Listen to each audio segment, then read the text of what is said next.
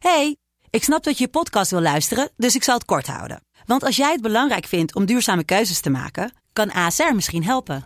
Nou hoor ik je denken, hoe dan?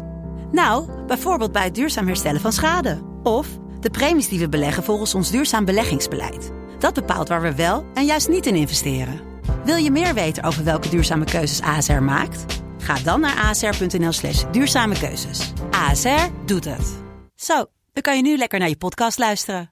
Hey, ik snap dat je je podcast wil luisteren, dus ik zal het kort houden. Want als jij het belangrijk vindt om duurzame keuzes te maken, kan ASR misschien helpen. Nou hoor ik je denken, hoe dan?